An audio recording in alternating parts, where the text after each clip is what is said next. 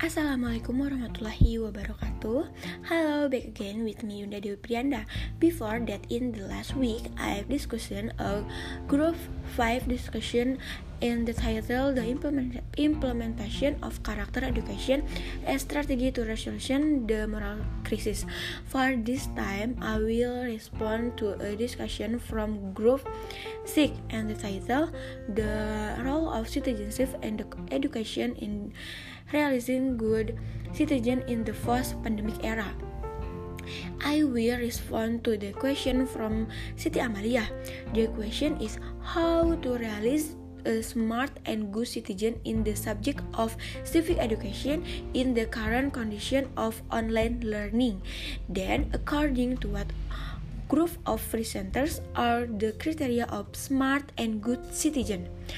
To realize a good citizen, it must be by implementation between concept and practice. In the current pandemic, it is quite difficult to realize students to be good citizens because of the lack of direct interaction between teacher and student.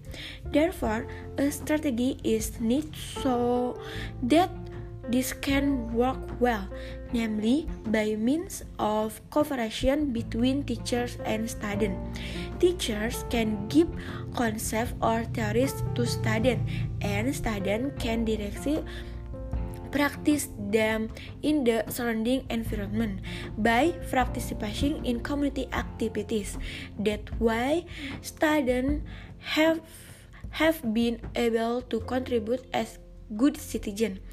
Furthermore, I think the criteria of being a smart and good citizen is to participate in the surrounding environment so much that I can say hopefully it can provide benefits for listeners who listen to it. Thank you. Wassalamualaikum warahmatullahi wabarakatuh.